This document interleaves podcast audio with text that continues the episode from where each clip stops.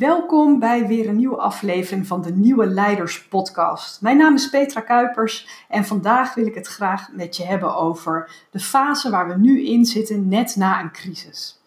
En op dit moment, uh, we spreken nu eind juni uh, 2020, is dat uh, het einde van de uh, COVID-19-crisis, de coronacrisis. Maar eigenlijk geldt wat ik je nu vertel universeel voor alle crisis waar je uh, in een mensenleven maar mee te maken kan krijgen. En laat ik hem vooral even richten op organisaties, want dat is uiteindelijk uh, wat ons met elkaar bindt als we naar deze podcast luisteren. En wat je op dit moment merkt, is dat er uh, na een crisis een, een soort dip ontstaat. En dat is bijna een natuurwet waar je mee te maken hebt bij ingrijpende gebeurtenissen of veranderingen. En als je het hebt over de eerste fase van een crisis, dan noemen ze dat ook wel de honeymoonfase. En uh, dat merk je misschien wel, hè? zeker als we even de, de, de coronacrisis nog als, als voorbeeld nemen. Dan merk je dat mensen op dat moment enorm veel betrokkenheid hadden. Er was veel aandacht voor elkaar. Er was een soort strijdlust van met elkaar gaan we dit eronder krijgen. Er was een enorme saamhorigheid. Dus de energie was in die fase op uh, gezamenlijkheid. Er was een, een groots waarom, dat werd heel duidelijk gevoeld. En uh, dat was eigenlijk de energie die er op dat moment achter zat. Om met elkaar flink de schouders eronder te zetten. Om te laten zien, wij laten ons niet klein krijgen. En dat is iets universeels wat je in bijna elke crisis wel meemaakt. En um, naarmate die crisis voortduurt, merk je een aantal dingen. Namelijk dat uh, ook in crisis een soort van berusting kan ontstaan. Hè? Dus zelfs binnen uh, alle nieuwigheid kan een soort normaal ontstaan, om dat, dat rare woord maar weer eens te gebruiken. Maar ook aan het einde van een crisis uh, merk je dat er een beetje een soort katerigheid begint te ontstaan.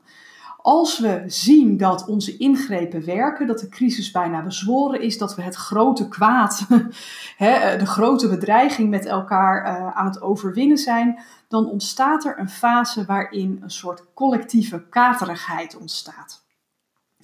En um, wat we in die honeymoonfase voelden, die betrokkenheid, uh, dat begrip, die aandacht voor elkaar, dat begint eigenlijk een soort van te kantelen. Uh, je merkt dat uh, tegenstellingen die worden steeds scherper. Uh, waar eerst sprake was van saamhorigheid, krijg je nu veel meer dat mensen kliekjes gaan vormen met elkaar. En rond een bepaald belang. Hè, mensen die het niet langer pikken dat we niet binnen anderhalve meter van elkaar mogen zijn. Dat er geen grote groepen mogen zijn, om maar even het COVID-voorbeeld erbij te halen. Maar je merkt dat de, de, de, de draagkracht um, dat die afneemt, of het draagvlak dat het afneemt en dat er steeds meer uh, irritatie komt en dat het begrip voor de situatie afneemt. Mensen zijn gewoonweg minder bereid om de lasten te dragen. Wat je ook merkt is dat kritische geluiden die er uh, eerst sluimerend waren en waar mensen hun stem bijna niet durfden te laten horen, dat dat steeds uh, duidelijker wordt, dat het steeds dominanter wordt. Mensen durven steeds harder van zich te laten horen en ook steeds meer ruimte in te nemen met het tegengeluid. Dat is ook een duidelijk kenmerk wat je hebt aan het einde van een crisisfase. En tegelijkertijd zijn er natuurlijk genoeg mensen die getroffen zijn door de crisis en die moeten op dit moment concurreren om aandacht. Want het, het, normale leven begint weer op te starten. Maar er zijn nog steeds mensen die met de gebakken peren zitten en die heel erg hun best moeten doen om ook voor hun verhaal gehoor te blijven vinden. Nou, kijken we even terug wat er uh, na zo'n crisis gebeurt in een organisatie, dan is het goed om je heel goed te realiseren van wat nou de impact is van wat je met elkaar net achter de rug hebt. Als er een crisis is geweest, dan merk je dat je met elkaar een enorme samenhorigheid hebt gevoeld die er eerder niet was. Of misschien dat er een enorme besluitvaardigheid is geweest die er eerder helemaal niet was. Hè? Dat er opeens leiderschap ontstond uh, in je organisatie waar je die helemaal niet verwacht had. Maar ook, uh, en vergis je daar niet in, we hebben, het was spannend. En het klinkt heel raar, maar uh, die manie nieuwe manier van werken, dat is ook een soort van verslavend. Met elkaar op een hele andere manier onder hoge druk proberen om de tent draaiende te houden. Ja, dat is een machtig interessant gebeuren. Dat, dat, is, dat is een soort thrill die we in onze dagelijkse werkzaamheden eigenlijk maar zelden meemaken. En die ons ondernemerschap heeft aangewakkerd. En die ons misschien ook een, een gevoel gaf van, van vrijheid en autonomie en creativiteit. Dus er zit een licht verslavend element in zo'n crisis die uh, ook de projectleiders onder ons waarschijnlijk wel herkennen. Dat de periode na een project waarin alles flink is opgeschud, dat er ook een soort dip ontstaat. Hè? Een soort katerigheid ontstaat, omdat alles weer normaal wordt. En mensen toch ook wel verslaafd kunnen zijn geraakt aan die afwisseling. En daardoor in een soort, uh, ja, nou ja, lichte depressie wil ik het niet noemen, maar uh, zich wel gaan bezinnen op van, goh, wat ik deed wat ik altijd deed en wat ik misschien altijd helemaal oké vond, vind ik dat nog steeds wel oké. Vind ik dat nog steeds het allerleukste om te doen.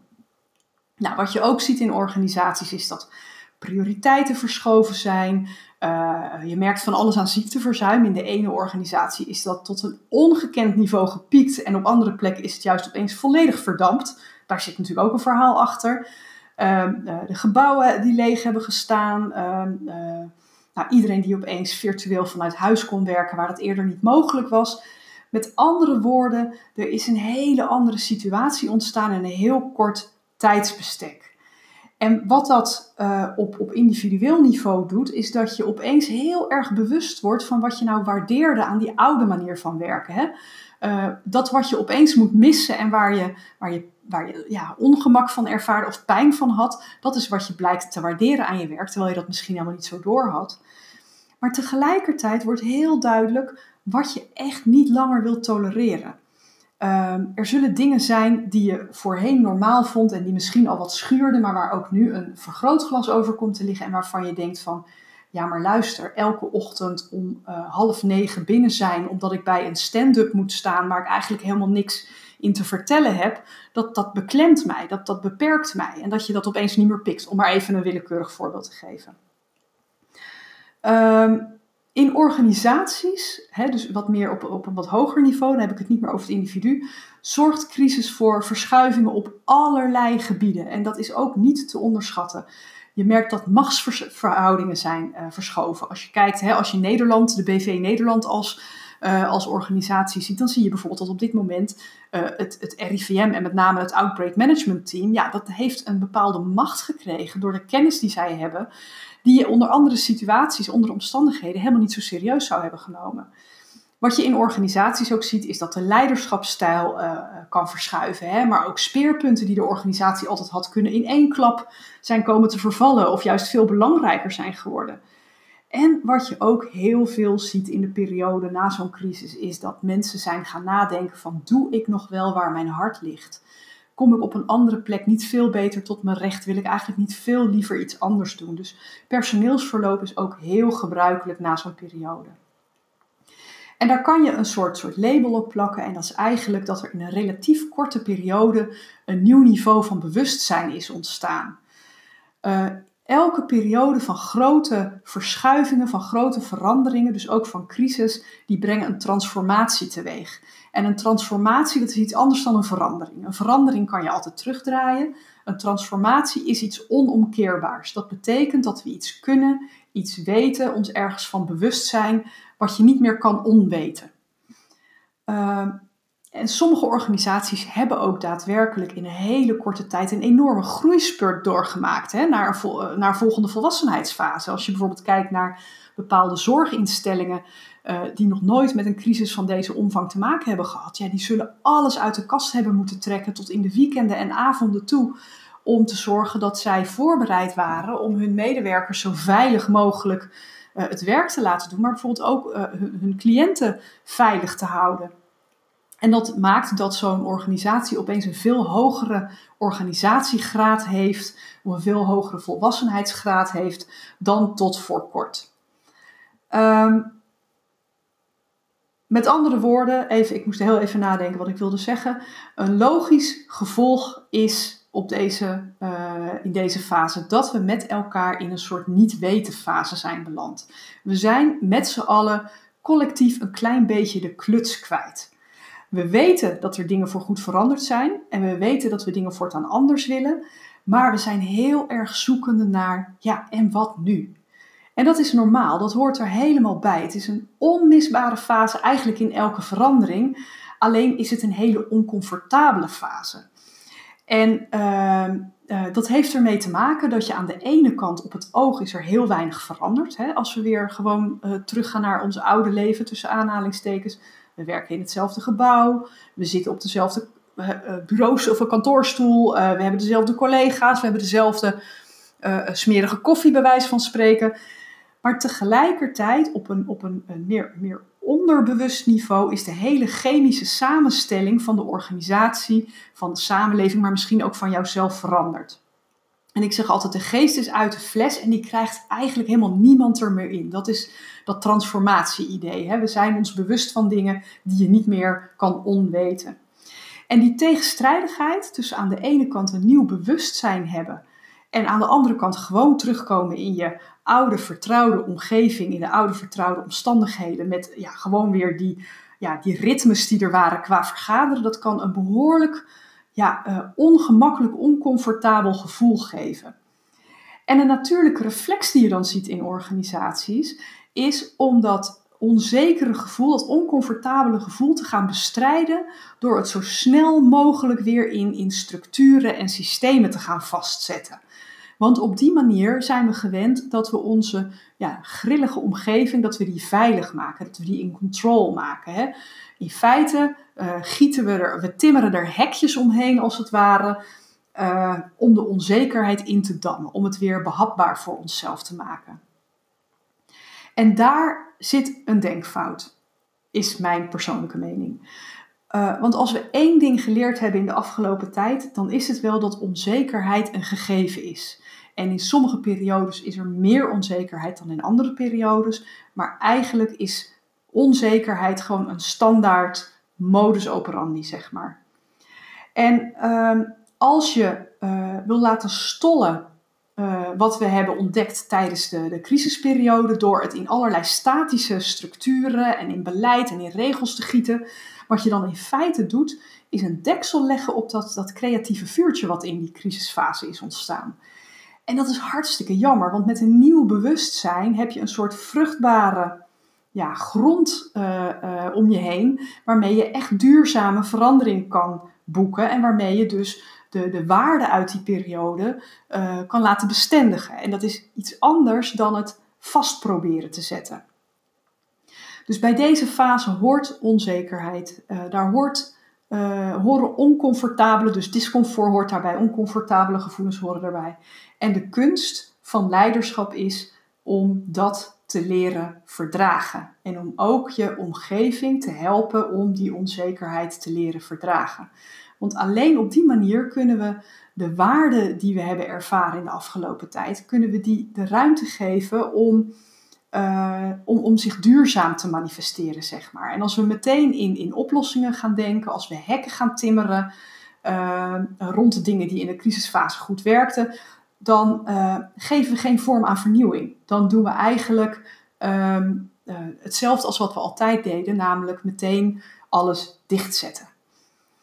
En wat je nodig hebt in deze fase is, is presence, zoals ik dat altijd noem. Hè. Het is eigenlijk een combinatie van, van aandacht en ontvankelijkheid. Je kijkt naar wat was er nou in die crisis, wat er zo goed werkte en hoe kunnen we nu in, in een gestabiliseerde omgeving uh, dat gevoel vasthouden. Dus je kijkt veel meer naar een gevoel dan naar een uh, resultaat. Hoe kunnen we met elkaar regelen dat we dat gevoel van saamhorigheid, dat gevoel van ondernemerschap, dat gevoel van slagvaardigheid onder druk, dat we dat met elkaar laten ontstaan in het volgende normaal. Hè? En zodat het meedijnt, als het ware, met de context waar we nu in zitten. Want laten we wel wezen, als jij uh, nu structuren gaat ontwerpen op de tijdelijkheid van de crisis, terwijl we niet meer in die crisis zitten, uh, dan baseer je iets duurzaams op een tijdelijke situatie. En dat is, dat is eigenlijk zelden uh, een, een succesvolle aanpak. En wat je in feite ziet, is dat we allemaal deel uitmaken van wat ze ook wel een hero, hero's journey noemen. En in de hero's journey, dat is eigenlijk een, een, een patroon wat je in alle verhalen, dwars door alle culturen heen ziet ontstaan. Uh, is dat je altijd een eerste serie aan uitdagingen, tests en tegenslagen krijgt. En die maken jou een, een rijker iemand. En we komen net uit zo'n periode met uitdagingen, tests en tegenslagen. Dus wij zitten nu als een ander mens weer in die oude uh, situatie. En je gaat terug nadat je die hero's journey hebt doorgemaakt naar die bijna vergeten plek waar je vandaan kwam. En je gaat daarbij op zoek naar antwoorden die eigenlijk niemand nog heeft. En die komen niet door ze te forceren. Antwoorden die komen juist als we ontvankelijk zijn en als we op dit moment uh, de ruimte geven aan wat er wil ontstaan. Dus niet heel hard dat, dat, dat gekiemde zaadje uit de grond willen trekken in de hoop dat het dan harder gaat groeien, maar door er water op te gieten, door er, weet ik veel, pokon op te gieten, net uh, hoe we de metafoor kunnen maken, maar door er aandacht aan te besteden, door onkruid weg te wieden en door het steeds uh, verder te laten groeien. Een nieuw organisatiebewustzijn gaat dus gaat veel meer over sfeer, over gevoel en over ja, eigenlijk een cultuurshift dan over het zo snel mogelijk uh, maken van regels en structuren. Dus waar we nu voor staan, uh, is uh, de opdracht om opnieuw met elkaar te gaan verkennen. Ja, wat beweegt ons nou eigenlijk? Wat verbindt ons? En hoe kunnen we die saamhorigheid en die energie ook in dat volgende normaal gaan ervaren na de crisis?